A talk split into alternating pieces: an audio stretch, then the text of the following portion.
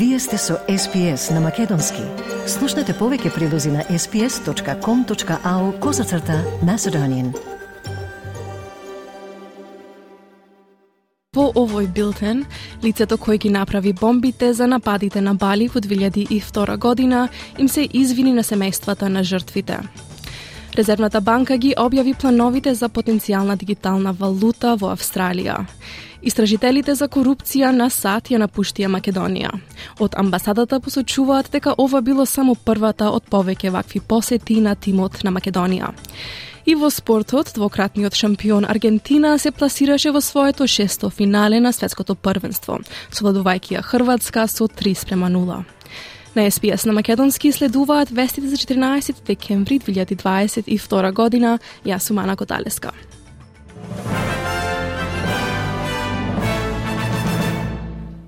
Човекот осуден за изработка на бомбите за смртоносните бомбашки напади на Бали во 2002 година им се извини на семејствата на жртвите.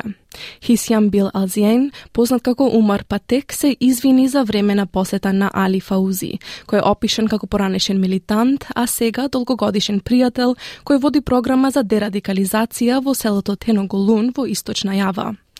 Тој вели дека им се извинува цитат не само на луѓето во Бали, туку и на сите индонезици, а особено на цитат австралиците кои исто така беа многу погодени од злосторството со бомбардирањето на Бали.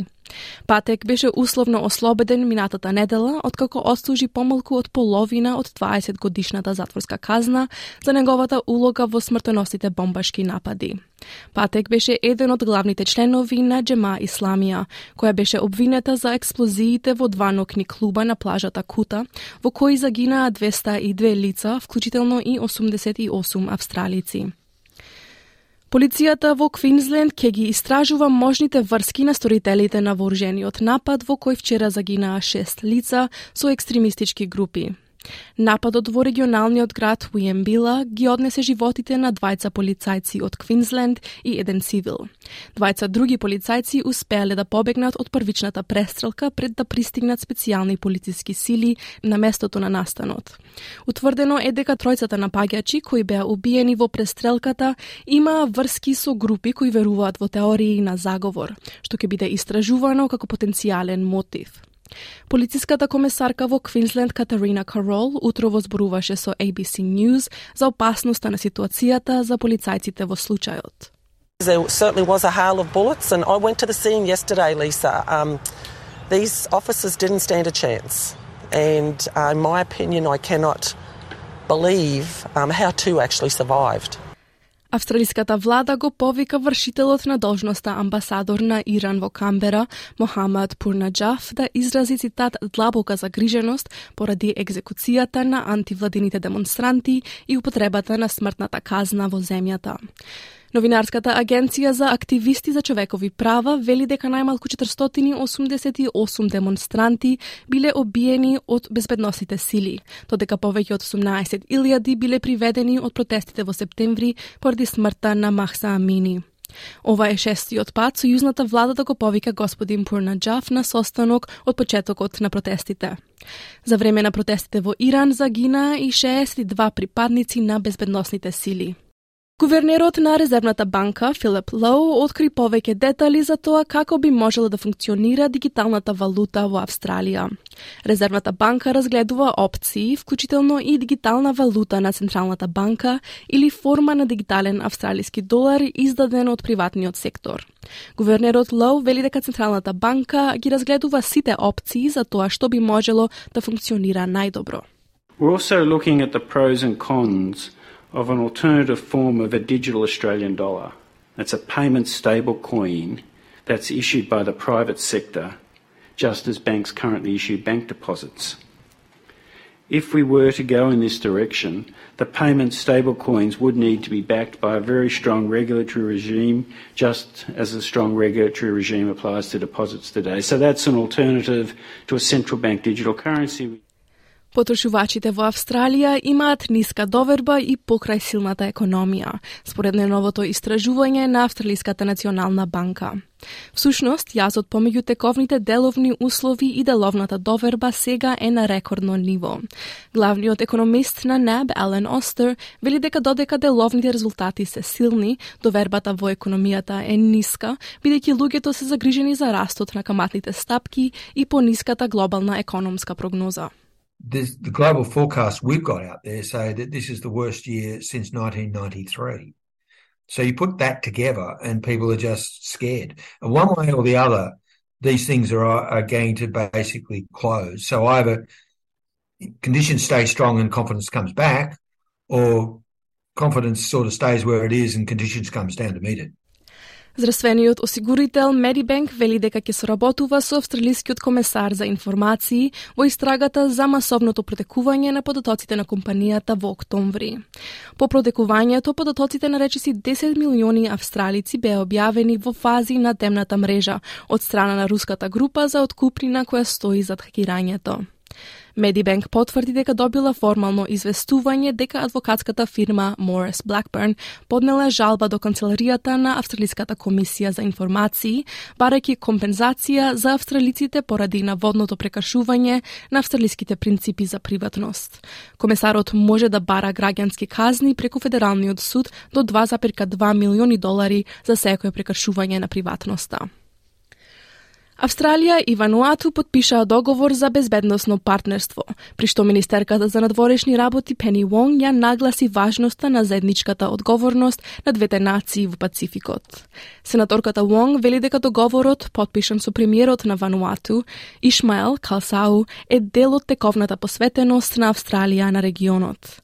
Таа вели дека Австралија се гордее со тоа што е главниот безбедносен партнер на Вануату. Australia is proud to be Vanuatu's principal security partner, and we are absolutely committed to deepening that partnership as we move forward. We see security as a shared responsibility. We see security as a regional responsibility. And we all have a responsibility to ensure our sovereign decisions enhance the security of all members of the Blue Pacific. Министерката за надворешни работи ја предводи двопартиската австралиска делегација во регионот. Таа вели дека Австралија е отворена за склучување слични безбедносни договори со другите земји од Пацификот. По цела недела скенирање на состојбата со корупцијата, тимот од Вашингтон си замина од Македонија. Од амбасадата на САД во Скопје за медиумите потврдија дека Стейт Департментот сепак останува посветен на тоа да ги идентификува корумпираните политичари. За сега нема одговор што утврдил тимот на САД во изминатите 7 дена. За премиерот Димитар Ковачевски нема ништо спорно Македонија да добие помош од САД во справување со корупцијата, иако тврди дека и домашните институции имаат капацитет да се справат со овој проблем. Тоа и при формирањето на нашите институции, и при правењето на законската регулатива, при формирањето на материјалните, кадровските капацитети и така натаму, голем удел имала и меѓународната помош во сите овие аспекти. И за тоа нормално дека во текот на изминатите 30 години секоја јавност била информирана и затоа и во иднина треба да продолжи таа соработка. Украинскиот председател Володомир Зеленски се обрати во парламентот на Нов Зеланд, повикувајќи на помош да се воспостави енергетската стабилност на земјата, како и за победа во војната против Русија. Зеленски е само вториот лидер на странска влада кој се обратил во парламентот на Нов Зеланд по Джулија Гилард во 2011 година. Зеленски вели дека на Украина и е потребна помош за да обезбеди нуклеарна безбедност, храна и за обновување на животната средина, меѓу другото. We've put in place extensive travel bans. We've committed to join Ukraine's case against Russia at the International Court of Justice and provided funding to the International Criminal Court to investigate war crimes and crimes against humanity in Ukraine. But those who support Russia must also be challenged. Just this morning, we announced sanctions against Iran, who are complicit in the supply of drones to Russia. Тоа беше премиерката на Нов Зеланд Джасинта Ардерн која вели дека Нов Зеланд ќе додели дополнителни 2,8 милиони австралиски долари и наметнува нови санкции против Иран, каде се наоѓа производителот на беспилотни летала што испорачува опрема за Русија. Во меѓувреме, во Нов Зеланд е усвоен закон кој има за цел постепено да го укине пушењето. Според законот, цигарите не смеат да им се продаваат на луѓето родени на или по 1 јануари 2009 година, што значи дека минималната возраст за купување цигари ќе продолжи да се зголемува. Теоретски на некој кој се обидува да купи кутија цигари 50 години од сега, ќе му треба идентификација за да покаже дека има најмалку 63 години. Законот не влијае на електронските цигари, кои веќе станаа попопуларни од цигарите во Нов Зеланд. Statistics New Zealand минатиот месец објави дека 8% од возрастните во Нов Зеланд пушеле дневно, што намалување од 16% од луѓето кои пушеле пред 10 години. Но истовремено над 8% од возрастните користеле електронски цигари дневно, што зголемување од стапката од помалку од 1% пред 6 години. Стапките на пушење остануваат повисоки кај домородните маори, при што околу 20% изјавиле дека пушат. И во спортот, двократниот шампион на ФИФА светското првенство Аргентина се пласираше во своето шесто финале на светското првенство, совладувајќи ја Хрватска со 3 спрема 0. Лајонел Меси успеа да го постави третиот гол на земјата во 69-та минута, со што 35 годишникот стана првиот играч кој постигнал гол и асистенција во три различни надпревари на едно светско првенство од 1966 година. Коментаторот на СПС и го честита успехот на Хрватска, како и полуфиналниот успех на Аргентина. So, Croatia's story and it's uh, been one that we should congratulate them for. They should be proud of. Well deserved semi-final success. They always win their semi-finals, Argentina, and they have won this one by three goals to nil.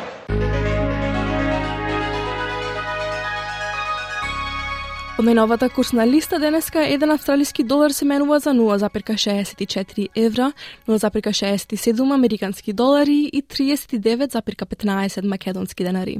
Додека еден американски долар се менува за 57,92 македонски денари, а едно евро за 61,02 македонски денари. И на кратко временската прогноза за главните градови за утре, четврток 15 декември 2022 година, сончево во Перт 29 степени, 22 za Adelaide oblačno. Slabi povremeni varneži nautro za Melbourne 16 stepeni, 14 za Hobart, doš so, po, so pogoljem intenzitet. Delumno oblačno za Canberra 17 stepeni, 23 za Sydney, delumno oblačno. Delumno oblačno i za Brisbane 27 stepeni, slabi povremeni vrneži i možna bura za Darwin 33 i delumno oblačno vo Alice Springs 31 stepen.